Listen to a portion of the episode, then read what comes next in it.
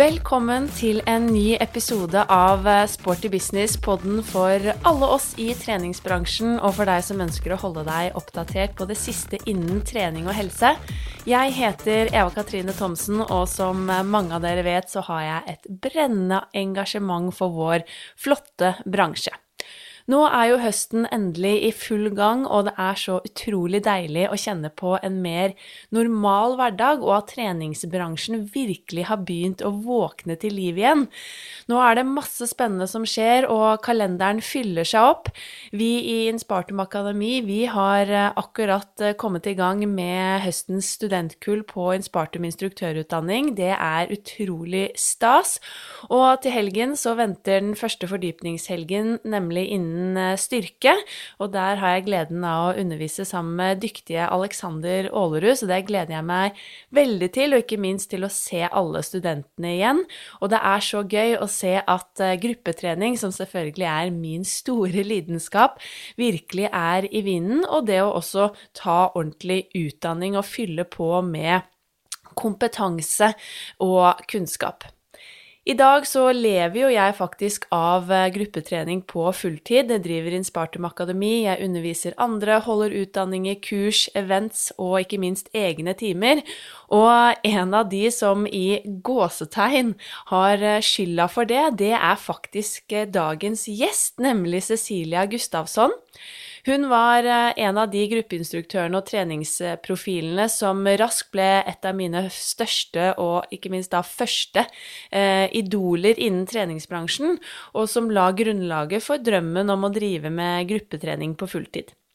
Cecilia hun var en del av eh, Nike-teamet som jeg opplevde på Nike Blast Convention eh, sikkert eh, første gang rundt 2010-2011, ganske tidlig i min instruktørkarriere. Og jeg husker at etter at jeg hadde vært på min første Nike Blast, så var jeg helt frelst. De enormt dyktige instruktørene tok meg med storm, og jeg bestemte meg allerede da at dette var det jeg virkelig ville satse på. Jeg opplevde jo da Cecilia sine unike klasser på Nike Blast, og har eh, siden den gang vært eh, stor fan. I 2017 så var jeg også så heldig at eh, jeg faktisk ble hennes eh, kollega også, sammen med Silje Torstensen eh, her fra Norge i Somamo. Så vi kurser jo da i Somamo for Linus Johansson og Cecilia Gustavsson i Sverige. Så det er utrolig stas, og nå har jeg da gleden av å presentere henne som gjest i Sporty Business. Cecilia hun har jobbet med trening og gruppetrening siden 2001 og står bak flere vellykkede gruppetreningskonsept som f.eks. la Zuma Move, Afro Power Dance, Free Power og Organic Bodywork. I dag så driver hun foretaket Holistic Training og underviser både fysisk og digitalt, og arrangerer en rekke ulike helgeretreats og treningsreiser. I denne episoden så blir du da bedre kjent med Cecilia. Vi snakker om eh, konseptutvikling, hvordan lykkes på egen hånd, og så snakker vi om noe som er spesielt aktuelt for tiden, nemlig hvordan lykkes med online trening. Det er skikkelig stas å endelig ha deg med i Sporty Business eh, podkast, eh, Cecilia, så nå gleder jeg meg veldig. Så hjertelig velkommen. Tack snälla du, jag är väldigt glad att få vara med hos dig. Veldig, veldig hyggelig, og det er jo også mange som faktisk har eh, ønsket seg deg i Sporty Business jeg har spurt hvem vil du høre i eh, podkasten, og senest eh, ikke minst Monica Bjørn som var gjest, hun tipset jo også selvfølgelig om deg. Vad trevligt. Och, och Monica, det är min gamla kollega sedan jag var med i Nike för länge, länge sedan. Vi har haft så roligt ihop. Mm. Jeg kjenner deg jo ganske godt siden jeg har gleden av å få lov til å jobbe som eh, norsk agent for Somamo-konseptet eh, som eh, du og Linus Johansson har utviklet. Men for de lytterne våre som ikke kjenner så godt til Cecilia Gustafsson i Sverige, har du lyst til å fortelle litt om hvem du er? Absolut. Ehm, jag är, eh, vad ska jag säga egentligen? Eh, när någon frågar mig vad jag är rent yrkesmässigt så har jag försökt att hitta en titel. Det är lite svårt, men någonstans så landar jag i att jag är en inspiratör, entreprenör och utbildare inom holistisk träning. Så det har blivit liksom min nisch lite grann under åren. Men eh, jag har jobbat med gruppträning av olika slag sedan jag var dryga 20 och nu är jag 50. Så det är länge. Lang fartstid i treningsbransjen. Mm. Men var det mm. gitt att du skulle havne i treningsbranschen, eller hur endte du upp där? Det var inte alls meningen. Jag tänkte att det var ganska fjantigt och lite så här inte på riktigt. jag, ville jobba med, jag ville jobba med något fräsigare och ordentligt. Jag vill jobba med reklam eller jag vill vara fotograf eller eh, ja, någonting annat. Men, men sen så, så råkade jag ha en fallenhet för det fysiska om man säger så. Jag råkade ha en fallenhet för rörelse. Och jag var också väldigt intresserad av hälsa överlag, så. alltså både mental och fysisk hälsa och kraft hos människor. Och sen så var det ju som, som det är för många människor, det ena leder till det andra och så liksom råkar det bli en sak och så trivs man på någon plats eller med någon person och så fortsätter man liksom mm. på ett spår. Men hur ser vardagen din eh, ut idag dag Hur Hvordan eh, jobbar du? Just nu jobbar jag, eh, just nu så, så kan man säga att jag blandar ehm, hands-on verkligen, jobbar med att och har ett, en fysisk plats. Så vi har öppnat ett hotell här i Järvsö som är aktivitetshotell. Och ehm, det har krävt ganska mycket arbete, rent praktiskt. Och, och, det är jag inte så van vid, att jobba så mycket och inte, inte mm, sådär hand, vanligt så att säga. Ehm, annars så har jag haft ett fantastiskt egenföretagarliv. Jag ehm, driver mina olika projekt, koncept. Eh, jag kan fördela min tid att både utveckla saker och att leverera. Så jag kan tycka att det är en skön flow i det, att eh, försöka hålla det så. Mm. Så att jag inhämtar inspiration eller kunskap eller någonting eh, och sen så får ut det. Så, det, så jobbar jag helst och mm. mest. Ja, det hotellet ser helt uh, magisk ut. Jeg følger deg jo i sosiale medier og ser jo mm. at uh, dere har jo mange sånne små uh, retreats og helgeaktiviteter, og det ser virkelig magisk ut å kunne skape noe sånt under åpen himmel mm. og ja, hjemme i Sverige, da, uten å måtte dra utenlands. Så jeg tenker at det kommer det sikkert også til å bli bare mer av nå med tanke på, eller i kjølvannet av denne pandemien. Absolut, absolut. Och det är så vi har tänkt förstås, att det är en fantastisk timing för det. Och timing är ju mycket, eller nästan allt skulle jag vilja säga, i entreprenörskap och i, i företagande. Så att det är en fin timing, timing och man känner att man faktiskt praktiskt gör någonting för ganska många. Alltså man möjliggör saker för många människor att ta del av. Och eh, den här plattformen kommer ju betyda förhoppningsvis att människor hittar ett sätt att rekreera sig, alltså få nytt liv. Vi säger att man, vi vill få människors kroppar mer levande, men hjärnorna mer återhämtade. Så att det blir en, en eh, fokus på det förstås. Så vi har alla möjliga aktiviteter för kropparna att vara i rörelse av olika slag, men också givetvis eh, försöka hitta eh, både praktik eh, och design och miljöer som får hjärnan att bli lugn och eh, liksom, återhämtad, ja. ostressad. Mm. Det høres magisk ut. Jag gleder mig till uh, grensene åpner, så kan jag komma på besök ja. jag också. ja, du är så välkommen. Du är så välkommen. Men som du allerede är inne på, så är du ju genuint upptatt av Eh, bevegelse. Jeg vet at du er en stor inspirasjon for veldig mange i treningsbransjen, både med tanke på alt det du har jobbet med opp igjennom, og som en del av Nike-teamet, som mange av oss også mm. kjenner deg fra, og ikke minst som mm. eh, entreprenør. Men hva tenker du om trening, helse, bevegelse? Hva, har du en egen filosofi, og hva betyr bevegelse for deg i hverdagen? Mm.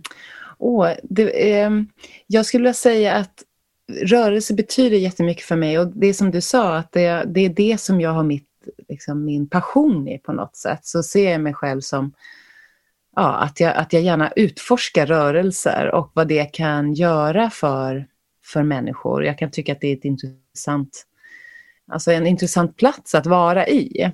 Precis som, som kanske andra uttrycker sig genom bild eller text eller sång, musik, så kan jag uppleva att rörelse är ett, uttrycks, alltså ett uttrycksmedel som man kan också fördjupa och förfina och eh, vara i.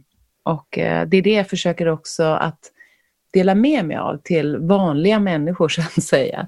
Inte bara de som kanske jobbar med kroppen som ett yrke, eh, men för alla att se att det här instrumentet kan vi verkligen ta del av mer eh, och vara i kropparna mer fritt och kommunicera med dem och få olika upplevelser beroende på vad vi gör med kroppen. Eh, så att det har varit min det har varit lite min väg kan man säga, min specialitet, filosofi då, som du sa. Hur, ehm, hur jag ser på rörelse. Att det är just det där, det är ett instrument, kroppen, som man kan gärna bry sig om och hitta en väg till fria rörelser så att man blir en kom kommunikativ, både utåt, alltså till andra, eh, så att man har ren och liksom bra kommunikation, men också inåt. Att det har varit min, också lite grann som jag tagit fasta på, att det vi gör med kroppen många gånger kommunicerar inåt till ett inre tillstånd som vi kan nå på olika sätt. Mm. Spännande. Och hur mm. ser vardagen din ut med tanke på träning mm. eller bevegelse? Då? Ja, och det går lite i perioder, men mest stadigvarande är att jag är en sån där mys, alltså jag är ganska bekväm, jag gör det väldigt mycket på lust, just för att jag har en lustfylld inställning till det. Så att jag, jag mysjoggar, som det kan uttryckas. Alltså jag joggar lite sådana här sköna tre kilometer på morgonen i skogen helst, eller på platser som är vackra.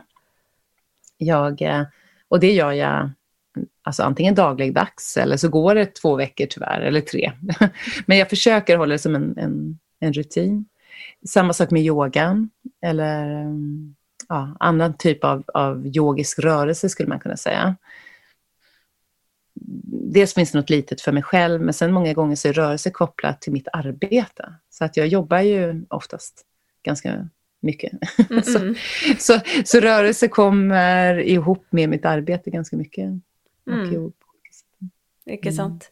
Mm. Men, men jag tycker om många olika saker. Alltså jag tycker om att åka lite skidor, jag tycker om att rida lite grann, jag tycker om att cykla. Jag tycker, alltså fast ingenting gör jag särskilt bra, men jag tycker det är väldigt roligt. jeg kjenner meg veldig godt igjen. Jeg har funnet ut at jeg må bare mm. gå for å være allsidig, for jeg syns at alt er gøy, mm. så jeg klarer liksom ikke ja. å velge. Så det, jeg kjenner meg godt igjen der. Og, og det er underbart. Og ikke minst veldig misunnelig på all tiden i stallen, og gratulerer med ny mm. hest også. Ah, takk. Den är väldigt, väldigt fin. den är jättefin. Jag är så kär i den här hästen. Jag rider inte den själv. Jag törs inte riktigt den. Den är lite för energisk för, för, för mig. Men, men jag får ju vara runt den mycket. Mm. Eh, och hon är så fin. Alltså individ som är självsäker. Jag tänker, vad är det som jag tycker om? Hon är självsäker, hon är vänlig och hon är intelligent. Det är så. Mm. Och snygg. Mm. så. Ja, har en hästjente till en annan så den ser flott ut. Det är lite sån småmisunnelig. Mm. Men eh, tillbaka till detta med bevegelse mm. och um, rörelse och träning så skriver du bland annat på nettsidan din att du vill inspirera till holistisk träning. Och som du säger, du ser på dig själv som ja, en inspiratör. Och ordet holistisk följer jag ofta blir brukt mycket, speciellt i, i Sverige. Eh, och både du och Linus som jobbar med da Somamo snackar ju mycket om detta begreppet holistisk träning. Jag känner inte att det är så väldigt implementerat här i Norge för exempel. Men mm. eh, vad lägger du i ordet eh, holistisk? Vad betyder det för dig? Eh, det har betytt lite olika saker genom åren, men eh, som grund är det ju en helhetsbild utav träningen. Att man tar med hela människan i beaktning i sin träning. Och för mig har det betytt från början att jag både har gått på den inre, alltså ett inre arbete och det fysiska yttre arbetet. Att det får hänga ihop i den träning man levererar eller gör. Eh, det hänger också ihop med helhet som kropp. Alltså man kan ju stanna vid kroppen och bara se att man jobbar med helheten, både i så att säga långa eh, bindvävskedjor eller rörelsekedjor. Men också att man jobbar på förmågor, som Linus gör många gånger, också siktar in oss på. Vi jobbar på förmågor. Eh, balans, eh, explosivitet, kondition, eh, smidighet, styrka och så vidare. Så att, att inte stirra sig blind på en viss specifik eh, lokal kapacitet utan vi försöker få med en helhet i träningen. Och eh, när man vänder sig kanske till motionärer så tycker jag att det är en viktigare del. Jag har känt att det är mer tillfredsställande att kunna ge den här helhetsträningen än en specifik träning. Mm. De flesta människor mår bra av det. Absolut. Helt klart. Og du er jo også da eh, gründer av mange, eller entreprenør, eh, og skaper av mange ulike treningskonsept, som jeg vil si også alle er veldig holistiske og helhetlige. Du har jo da Somamo, som er nevnt, sammen med Linus Johansson. Så har du Afro Power Dance, Free Power og Organic Bodywork, som jeg i hvert fall eh, lagt merke til. Eh, kan du ikke fortelle litt om hvordan disse konseptene kom til? Hvordan liksom reisen har vært? Absolut, gärna. Det, det, är roligt att få definiera sitt arbete så här. Det är väldigt, eh, väldigt nyttigt tror jag också. Det började med Afro Power Dance och det var, på, det var typ 2000. Ja. Så 20 år sedan. och, och eh, det bör, jag var en sån aerobics-tjej eh, och gjorde gruppträningsklasser med, som var lite sådär, ja men du vet, häftiga och med mycket aerobics-steg men kunde sakna den här känslan hos mina deltagare av liksom lite mer kraft och lite mer svett och lite mer sådär mustigt. Eh, och, för det var ganska så här, du, du, du, man studsade liksom hela tiden på den tiden i aerobics. och väldigt mycket koreografi, så järn, det var svårt, liksom komplicerat. Så jag vill bara se mer köttig, köttig dans och träning och då började jag, utifrån det syftet, så började jag leta liksom i kroppen. Det är så oftast jag jobbar. Jag känner mig fram själv. Så jag brukar säga det som en rörelse-brainstorm. Alltså en rörelse kroppsstorm, inte brainstorm att man tänker utan att man håller på med kroppen tills man får en, ehm, en känsla för vad ger den här rörelsen, hur känns den, vad händer i folk tror jag mm. om de gör det här. Så så började Och sen var, träffade jag min man då som var trummis. Han var vanlig trumslagare men han spelade jämde och, och mycket av, av afrikanska trummor, ja. rytmer. Så då kunde vi slå ihop det där och gjorde då den här afropowdance. Och jag koreograferade och koreograferade och koreograferade. Jag hade så roligt i många år. Eh, och han gjorde, spelade in musik. Ja, för han eh, laget musiken också till mm, det konceptet. Ja. Exakt. Mm. Så att det var ju väldigt roligt och eh, var väldigt populärt faktiskt och eh, utbrett. Var, Men det, jag, jag, sen, var det också som prekoreograferat? Ja, ja, visst. Det var som Soma Move ungefär nu. Jag hade väl kanske en 400-500 instruktörer och och, men jag jobbade med allting själv och så hade jag småbarn och du vet, det var, det var lite för mycket.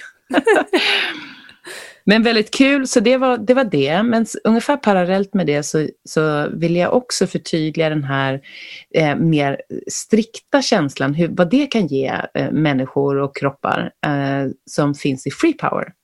Där det handlar mycket om kraft, utåtriktad kraft och där jag lånar mycket av rörelseprinciper från kampsporten som jag också hade hållit på lite grann med så här, på en ytterst här, eh, låg nivå.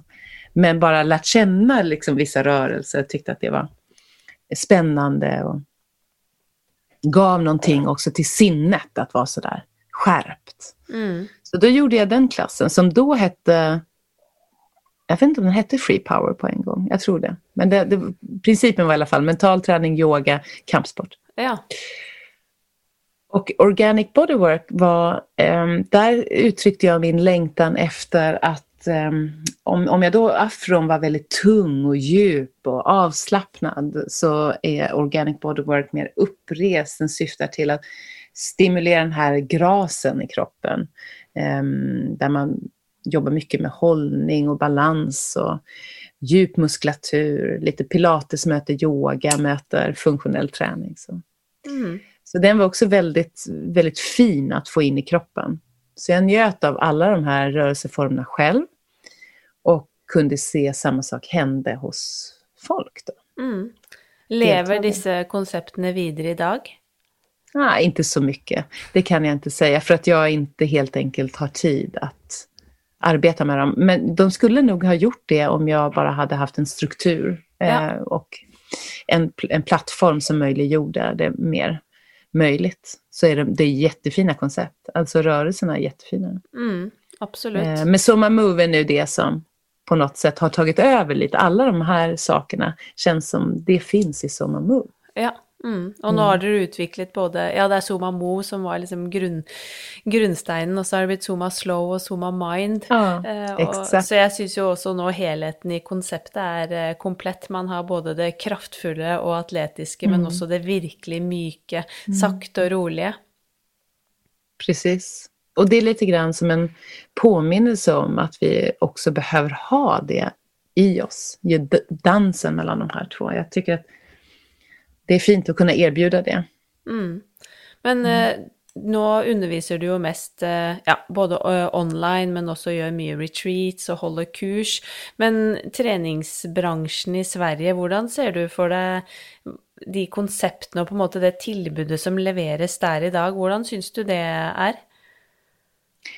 Um, Eh, som du tänk, eh, förstår jag det rätt om du frågar vad, hur, hur det ser ut i Sveriges eh, utbud av träningsklasser? Ja, utbudet och vad du tänker mm. om det, lite sån mm, upp mot din egen filosofi om detta med det holistiska, eh, balansen mellan både det kraftfulla och det mjuka. Mm. Nu ska jag vara ärlig och säga att jag har inte jättekoll på de olika studierna och kedjornas utbud eh, för att jag helt enkelt inte har varit där och, och, tittat så mycket. Men jag uppfattar det som att man även, att man också erbjuder hela det här spannet av friskvårds, liksom, verktyg kan man säga. Så att man både har de högintensiva klasserna, man har eh, dansklasserna för det som känns härligt och man har eh, mer yoga, meditation. Mm. Det är min uppfattning, men jag kan ha, jag har inte tittat så att säga vad senaste trenden är. Nej. Mm. På, och du har ju varit med på hela, ja, ursäkta, vad sa du? Nej, det, jag avrundade bara den att jag har inte varit i, i det här urbana, jag bor ju också lite på landet. Så att om jag inte anstränger mig, jag måste liksom gå in och titta på deras schema för jag ser inte vad som händer annars på de här fräsiga stadskedjorna. Nej, nej. för du har ju varit med liksom i många år i träningsbranschen och som du säger startat med aerobic och hade allt möjliga, de typiska gruppeträningsteamen på ett center. Och så har du efterhvert utvecklat många egna koncepter du jobber veldig holistisk og har jo gjort veldig mye innen yoga. Eh, I dag så leverer du jo mye eh, meditasjon, du driver med yin-yoga, beveget mm. deg over i ja, mer rolige, restaurative eh, klasser og timer og undervisning. Um, og jeg tenker at i hvert fall sånn jeg opplever deg, så syns jeg jo du er veldig kreativ, nyskapende og alltid eh, dagsaktuell med det du jobber med. Og du har jo også nå, eh, i tråd med det du uh, jobber med, og den holistiske tankegangen, uh, lansert noe du kaller skogsbad, som jeg mm. syns ser veldig spennende ut. Kan du fortelle litt om hva det er, og tanken bak? Absolut, gärna tack. Det är min senaste passion. det är skogsbad. Shinrin-yoku på japanska. Ja. Så, så vad det är, Shinrin-yoku är ju en japansk tradition som uppstod på 80-talet. Och eh, eh, vi har precis nu, skulle jag vilja säga, senaste två åren, kanske tre åren i Sverige, liksom fått upp ögonen för det här begreppet skogsbad. Och vad det handlar om är egentligen att yoga möter skog. Så att för mig var det ju väldigt enkelt när jag fick reda på den här Eh, begreppet eh, så hade jag redan innan själv varit ute i skogen, för jag bor ju precis intill skogen och är ute varje dag.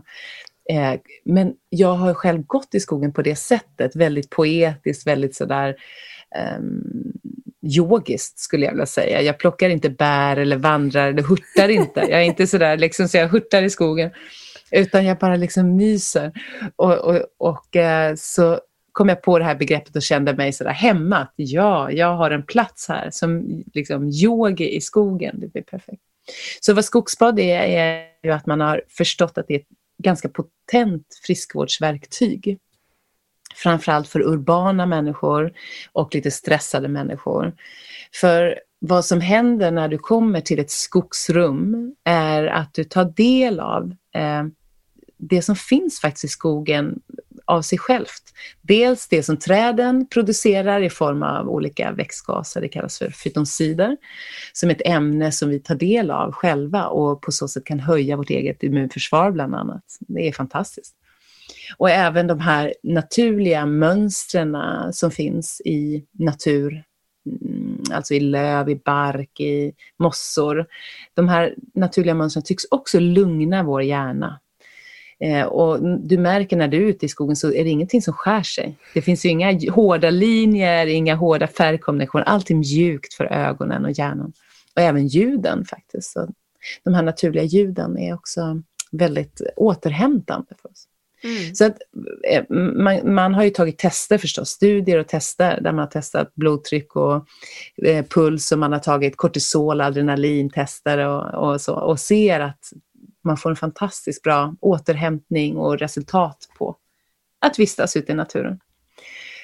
Och framförallt om man gör ett skogsbad är ju att man går in i skogsrummet med liksom en närvaro och medvetet insuper då skogen med alla sina sinnen. Så det är det som är skogsbadet, man badar sina sinnen i skogens atmosfär. Ja. Så man är verkligen medveten om det man ser, det man hör, det man känner, det man doftar.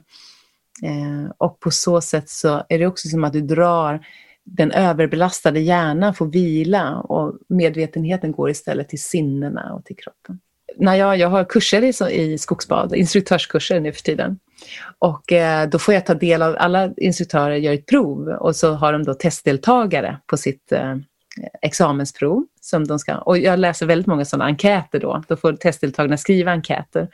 Och alla nästan säger att de blir helt fantastiskt avslappnade och njuter. Alltså att man, just, ja. det, det händer något med den här njutningen i det. Och det har man också sett är, är um, återhämtande för oss, att hamna i den här förundran. Och eh, att, att känna att nästan själen får näring. Mm. Mm. Men kombinerar du det också med enkla övningar eller bevegelser eller är det mm. kun sittande meditation, gående meditation? Nej, det finns, jag gör lite olika och i kursen som jag har lär man sig också lite olika saker. Men det kan vara ren yin-yoga till exempel, ute i mossan. Det är helt fantastiskt. Så att man gör väl utvalda yin-yoga-övningar över mosskullar, mot träd och så vidare. Och titta upp i trädkronorna, du vet när man gör mm. en halvsadel till exempel. Eller kan vara lite så, jag har faktiskt lite stående somaflöde. Eh, fantastiskt. Eh, trädhälsning Ja. Man ger solhälsning mot ett träd. Fantastisk. Så, ja. Men om man hör på nu och tänker åh, oh, jag har lust till att vara med på ett skogsbad med dig, mm. eller kanske andra klasser, var eh, kan man följa dig eller var finner man klasserna dina? Eh, klasserna, dels har jag ju liveklasser på Zoom som jag har jobbat med nu hela liksom, året. Det har varit fantastiskt. Så generellt har jag, nu är det lite sommar, sommarledigt, men annars är det måndagar och onsdagar. Eh, skogsbadet finns, och det kan man se på min hemsida, holistictraining.se, när jag har mina klasser. Eh, sen har jag inspelade klasser på Movdo, eh, som är Linus sajt också. Mm. Så det är jag och Linus som är på den sajten, movdo.com. Och där kommer jag lägga upp lite nya saker snart faktiskt. Och sen har jag åt Yogobi som är en online i Norden mm. eh, som har mycket yoga. Där har jag spelat in ljudfiler för skogsbad. Ja, det har jag sett. Och även lite filmer. Mm. Så det kan man gå och testa om man vill. Härligt. Eh, mm. Du nämnde ju lite om att det har eh, blivit gjort en del studier knyttet till detta med att bevega sig i naturen eller uppehålla sig i naturen. Mm. Hur mycket mm. forskning är det gjort eller vad vet vi lite mer konkret vad det gör med oss? Det, mycket forskning har gjorts eh, framför allt då av amerikanska och japanska eh, forskare så där är den största forskningen och studierna gjorda. Men sen har även universitets, eh, Linnéuniversitetet i Sverige som eh, har med lantbruk och skogsbruk att göra, de har satt igång sin egen forskning och studier och eh, kan också komma fram till samma eh, resultat. Och resultaten är ju just, och det finns mängder med länkar eh, som man kan läsa direkt. Man kan se procenttal, hur mycket man så att säga kan se hur det ena sjunker och det andra liksom höjs. Ehm, så att det finns, man kan lita på, när man går in och läser varje liksom, studie så blir man sådär, va? Man blir lite, för, man blir lite så wow och bekräftad i att det är bra för oss. Det som vi förut bara kanske har känt på, så att ah, skogen läker. Men vi kan få siffror på det om vi vill. Mm. Vad är de största på måte på kroppen som man ser av att beväga sig i naturen? Det är, det är de symptom man får av stress som dämpas. Hjärt och kärlhälsa, eh, kognitivt, eh, på fokus, ångest, depression. Framförallt också utmattning. Det har man sett jättefina resultat på. Eh, att man höjer energinivåerna vid utmattning. Och det utan att man behöver just göra så mycket. För mm. de, de deltagarna har ju oftast inte så mycket kraft att faktiskt röra sig eller träna heller. Eh, men i skogen så kan du få en effekt på att höja energinivån utan att göra så mycket. Ja, spännande. Så att framförallt det som är stressrelaterat, sådana symptom, eh, det får bra, goda resultat. Mm. Och det, man, man tror ju också att vi har ett glapp i eh, vår kontakt med natur. Det är en, ett annat begrepp som kallas för biofili, där människan ju är, är byggd för en samhörighet med naturen. Men vi har kommit så långt ifrån så att vårt nervsystem blir obalanserat av det. Så det kan också vara en av nycklarna när vi väl kommer ihop med naturen, verkligen liksom, eh, går in i den och låter oss liksom känna samhörighet med den, att det lugnar ner sig. Saker ja. liksom blir lugnt. Inte sant? Mm. Mm. Men vet du, har forskningen sagt något om, hjälper det att vara i skogen eller gå på tur en gång i veckan eller är det, bör man göra det mer? Har man någon tal eller vet man något om på något mängden som ska till? Mm. Det, har, det har sagts lite olika mängd. Um, så det senaste jag läste och det som känns mest hoppfullt, det var två timmar i veckan räcker för att hålla bland annat då det här höga immunförsvaret eh, igång. Ja. När vi får ta del av de här NK, liksom NK-cellerna höjs ja, fytonsiderna, NK-cellerna är natural killer cells som, som blir både fler och, och mer aktiva. Och då, då sa de den effekten håller sig faktiskt eh, på två, två timmar i veckan. Ja. Men det har sagts lite olika i lite olika studier. Så att, eh, mm. Mm.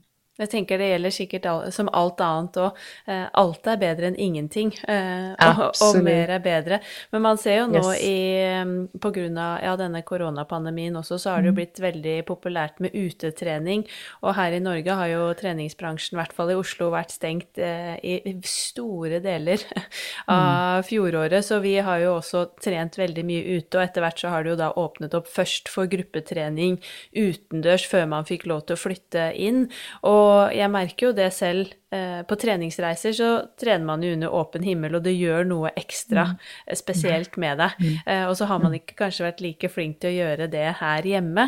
Og jeg merker jo at folk setter enorm pris på bare det å bevege seg og trene ute, selv om vi da selvfølgelig ikke er i skogen, men vi er i hvert fall under åpen himmel. Og jeg tenker at det tror jeg også har kommet litt for å bli noe, det å kunne flytte treningen utendørs. Jeg tipper at det vil gi litt, i hvert fall, eh, av de samme effektene. Og noe av det, det å bare kunne være ute, frisk luft eh, under åpen himmel. Säkert, säkert och absolut. Jag tror också att det kommer stanna säkert som en, en, en form av träning. Mm. Utomhusträning, eller hur? Absolut. Mm. Men uh, i forhold til disse treningskonseptene, da, har du noen uh, tanker og erfaringer du kan dele med lytterne våre? Hva du tenker skal til for å lykkes med et treningskonsept i dag? Hvis det er noen som sitter på gjerdet kanskje og har en liten idé? Mm, ja, då säger jag bara ja, ja, gör, gör. Jag, jag älskar entreprenörskap och um, att utveckla saker. Jag, jag, tror att det är just um, jag, har, jag följer egentligen en ikigai-modell.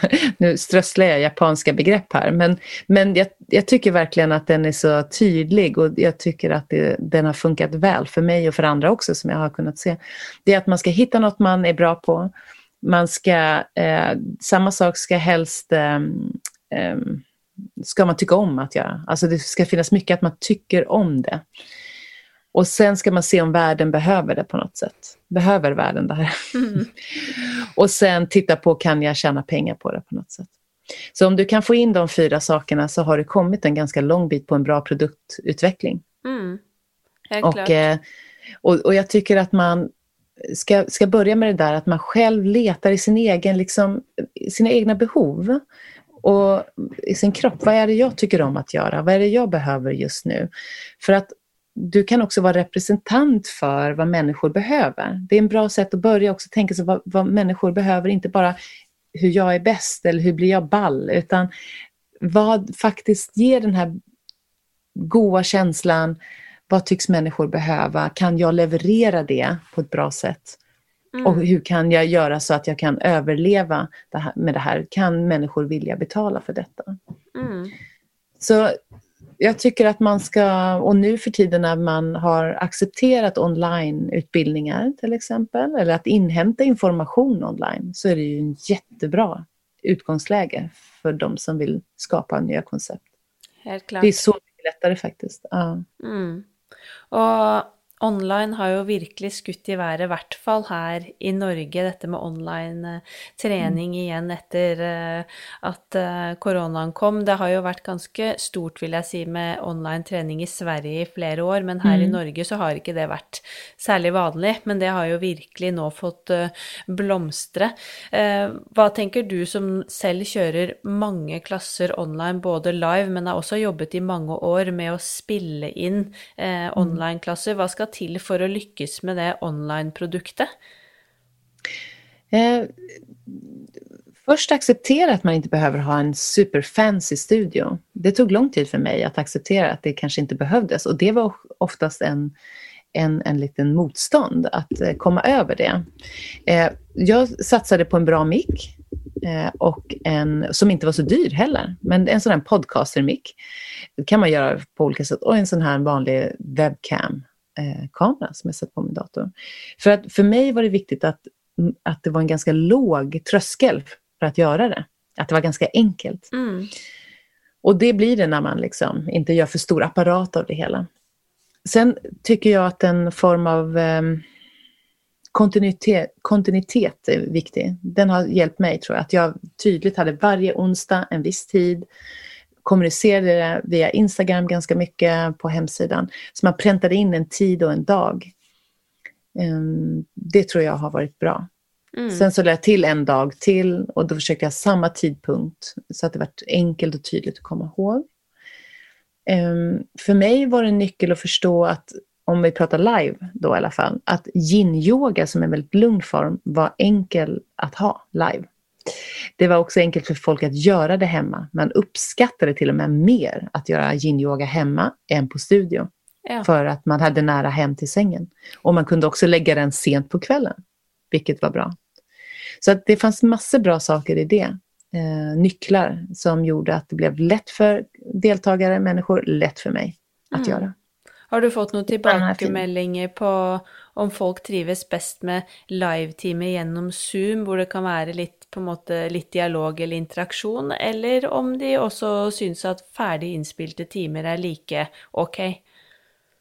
Jag har fått eh, tillbakamelding, ehm, feedback, på att folk gillar den här livekänslan. Man vet att det nu, även om det inte är så mycket interaktion, interaktion. De kan chatta eh, lite grann på slutet om man säger hej då, tack, tack, man har någon fråga. Men annars så är det känslan att det är här och nu och vi är de här hundra personerna samtidigt som gör det. Mm. Och man ser varandra i rutor kanske, eh, de som väljer att ha. Så det har uppskattats. Men samtidigt så är det många av de som går live som sen köper inspelade klasser eh, att jobba med kanske under veckan. Ja. Så jag tycker en kombination är jättebra. Mm. Det är toppen. Hur har du jobbat med din egen kommunikation och coaching genom på måte årene med online-träning för att liksom nå ut? För det är ju en väldigt annan form för kommunikation när du bara ser rätt in i en skärm kontra det att ha människor fysiskt i stället. Mm. Eh, jag måste säga att jag blev överraskad över hur enkelt det var och hur lika det var min övriga undervisning som jag har gjort. Och att jag har tyckt väldigt mycket om det. Jag har tyckt nästan bättre om den här typen av undervisning på slutet. Ja. Eh, faktiskt fantastiskt. Det, jag tror att man har en fördel av om man har undervisat mycket innan, därför att du sätter dig in i situationen, du sätter dig in i Eh, att människor gör de här övningarna, du ser människor framför dig, du kan känna det i kroppen nästan, hur de har det och så vidare. Så att kommunikationen tycker jag inte har varit svår, utan tvärtom nästan. Mm. Jag känner ju lite på det när jag undervisar mycket online, att ofta när jag har, exempel, hvis vi tar en Zomamo-klasse som ett mm, exempel, mm. när jag har människorna foran mig i salen, så kan jag ju ofta plocka upp något som sker då, eller en stämning, energi, kanske vi också kan le av något, alltså något morsomt som sker, mm. eh, och så kan man också bruka det i kommunikationen sin, och det mm. syns jag ju är mycket vanskligare när du står där helt alene i princip, eh, och ser in i en skärm, så då är det ofta att jag kanske också har lagat mig ett litet tema på förhand, och jag tänker att okej, okay, idag så har jag lust att snacka om det, eller idag har jag lust att ha lite extra fokus på det området, eller något annat. Eh, hvordan Hur tänker du där? Har, lager du deg liksom noen små temaer i förkant, eller kommer det till dig där och då? Åh, vilken bra fråga. Först, ja, jag gör teman och det funkar bra tycker jag. Jättebra. Och eh, många gånger i yin-yogan så har jag haft till exempel meridiantema. Alltså jag pratar om njur, urinblåsa, lever, galla och så vidare. Så tar jag, spinner jag runt omkring det, det som går att sägas. Eller något annat tema. Så det är jättebra grej med teman. Det blir också en anledning till eh, att kommunicera det när man marknadsför sig. Eh, så det är en bra sak, att man kan kommunicera på Instagram. Ja, men idag ska vi eh, klassen om det här. Lägga extra fokus på det. Men annars är mitt tips, som du sa, så här, det man plockar upp på riktig klass, låtsas då att du ser sånt. så minns vad du kan se på en klass och sen så låtsas du som att du ser det igen. Mm. Det kan man göra. Mm.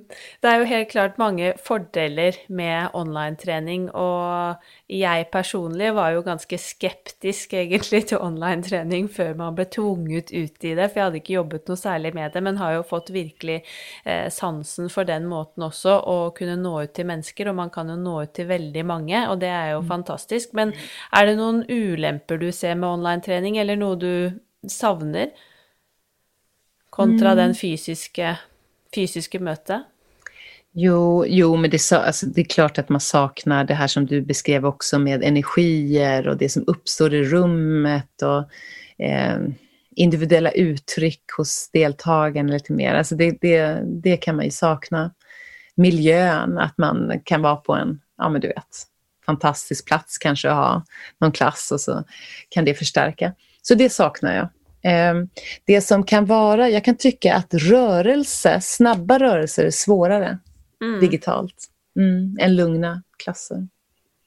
Ehm, helt enkelt också för att eh, Ja, för att det går, går, lite fort och man vet att informationen går inte alltid, den är inte alltid lika tydlig liksom via skärmen, den visuella. Mm.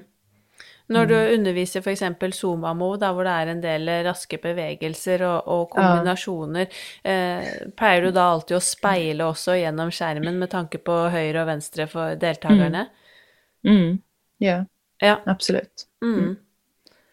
Och det är ju också, du kan inte se om någon blir, du lägger ganska mycket ansvar på dina deltagare förstås.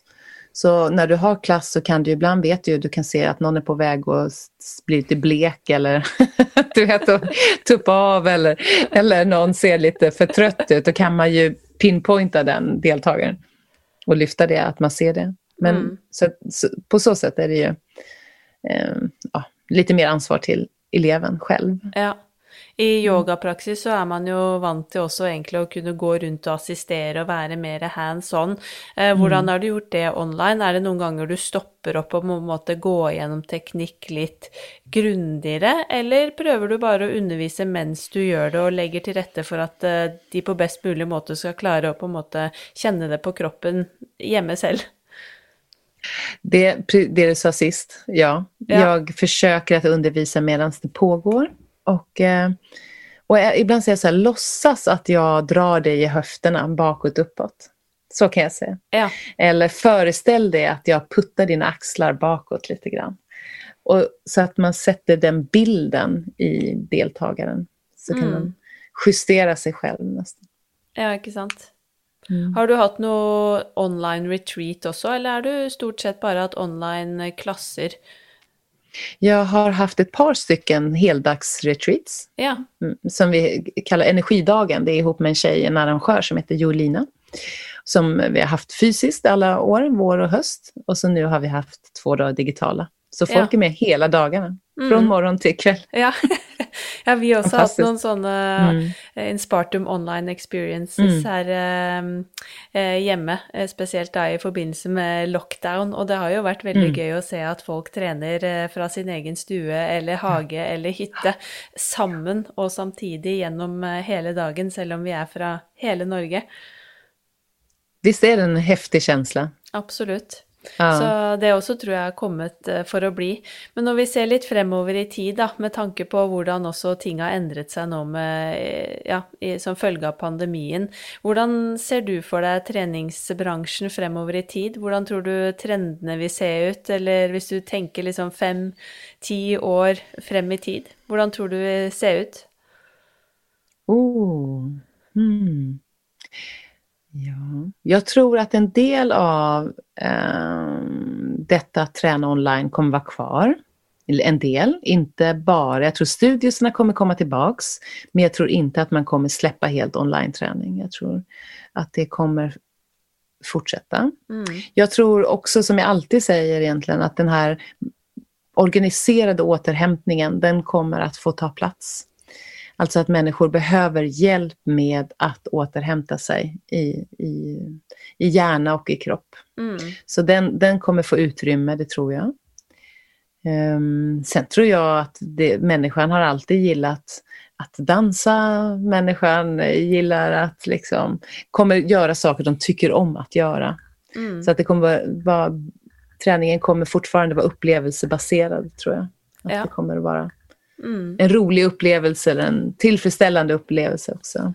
Har du några tankar om vad som ska till för att få ännu, menneske, ännu fler människor glada i aktivitet och, och bevegelse? Mm. För det är ju något vi önskar att få till både här i Norge och hos er i Sverige. Eh, jag tycker det är en fråga som man alltid har stött och blött lite grann. Jag kan ju tycka att skolan borde få ha mer rörelse. Eh, i alla fall här i Sverige, så tycker jag att det är alldeles för lite. Eh, och att det just inte behöver vara idrott, utan att det kan vara rörelse av olika slag. Alltså lek, rörelse, eh, ja, mm. involverat i undervisningen på något sätt. Verkligen. Mm. Och sen mer ut i skogen. Ja. ja, og man mm. ser jo det. Barn som er aktive og har vært vant til å være mye aktivitet, tar jo det med seg inn i voksen alder. Så hvis mm. man, man, kan implementere det helt fra skolen, og det gjelder det samme i, her i Norge også. Jeg syns det er altfor lite aktivitet i skolen, så det er et uh, godt sted å, å begynne. Ja, verkligen. Mm. Verkligen. Absolutt. Mm. Mm. Men for å begynne å runde av, da, så er det jo som sagt uh, mange som har ønsket seg deg i poden. Men hvem er det du selv kunne tipset om eller ønske deg å høre i, i Sporty Business? Oh, oh, det finns ju så många. Det är lov att komma med flera förslag. Och jag kommer med flera förslag. Jag, om jag går tillbaks eh, bara till eh, mina gamla kollegor, den första som slog mig sådär, det var ju Magnus Ringberg, som ja. jag tycker väldigt mycket om. Som eh, också är en bekant med både Monica och mig. För vi är gamla kollegor från Nike-tiden. Ja, ja. Jag, husker, jag tycker han eh, också är duktig. Väldigt duktig. Ja, husker Magnus från ja, Nike Blast och Nike Convention. Han jobber i branschen fortsatt, men det är väl mycket yoga har jag sett också? Ja, absolut. Och han är, han är fysioterapeut. Jag jobbar mycket med det tror jag runt omkring. Men sen så är ju min goda, goda eh, partner, jag vet inte om Linus har varit med. Linus har varit gäst faktiskt. Ja, yes. för han kan ju prata och han är intressant. Han vet allt. Vi kan nog laga fler episoder för att säga det så. Mm. Alltså jag gillar ibland människor som inte är i träningsbranschen men som jag tycker pratar om samma sak, liksom. om hälsa, mm. om liksom glöd och... Jag har ju min man också, han är, inte så, han är ganska spännande att lyssna på som löpcoach. Mm. Kanske inte att jag vill lyssna på honom, för det har jag redan gjort, men andra kanske. Ja, och som du nämnde, andra människor som nödvändigtvis inte jobbar i, i akkurat träningsbranschen, men som jobbar mm. med eh, hälsa på en en eller annen måte, eller också från andra branscher, mm. för vi har ju mycket att, att lära, eh, vi som Verkligen. jobbar i träningsbranschen av andra. Men eh, Maria, min vän och kollega här uppe faktiskt, som har nyss flyttat upp, Maria Kaidert, som är otroligt duktig med kroppen. Eh, och otroligt duktig på en massa andra sätt också. Men hon är bland annat en del av den här AFO-konceptet mm. som är eh, Afro House. Dansar jättehärligt och hon kan, all, hon kan yoga, hon kan springa, hon kan eh, lyfta tungt, hon kan dansa ballett. Hon gör såna OCR-grejer ibland. Såna här Så hon är lite häftig tycker jag. Mm. Och eh, hon, hon är spännande att lyssna på. Mm. kan jag rekommendera. Mm, härlig. Kjempebra. Jag syns det är väldigt gøy att snacka med ja, dere fra bransjen i, i, Sverige också, för det är ju så mycket så spännande som uh, rör sig där. Och jag syns ju alltid att uh, den svenska träningsbranschen har varit väldigt kreativ och ligget långt föran oss i Norge. Så i alla fall för min egen del så har jag hämtat väldigt mycket inspiration från Sverige upp genom åren. Vad roligt att höra. Mm. Det, um Ja, men så kanske det har varit genom åren. Det är ju så ibland. Mm, absolut. Men det har varit väldigt hyggelig att ha dig på besök gjennom genom skärmen i dessa digitala tider, Cecilia. Och så hoppas jag verkligen att at vi kan sees ses igen om inte altfor lenge.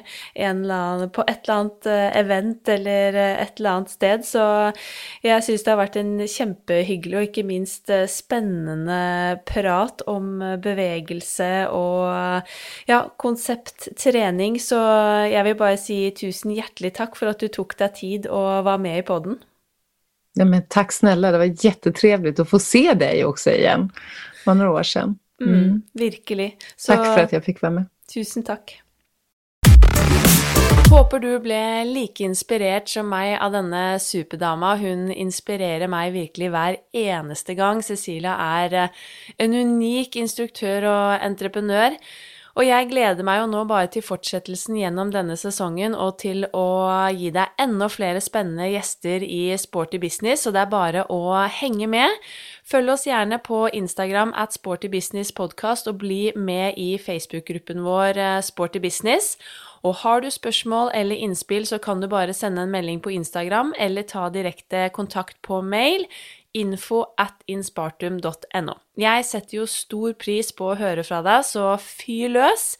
Vi poddes igjen om eh, to uker. Ha en superfin og sporty uke videre.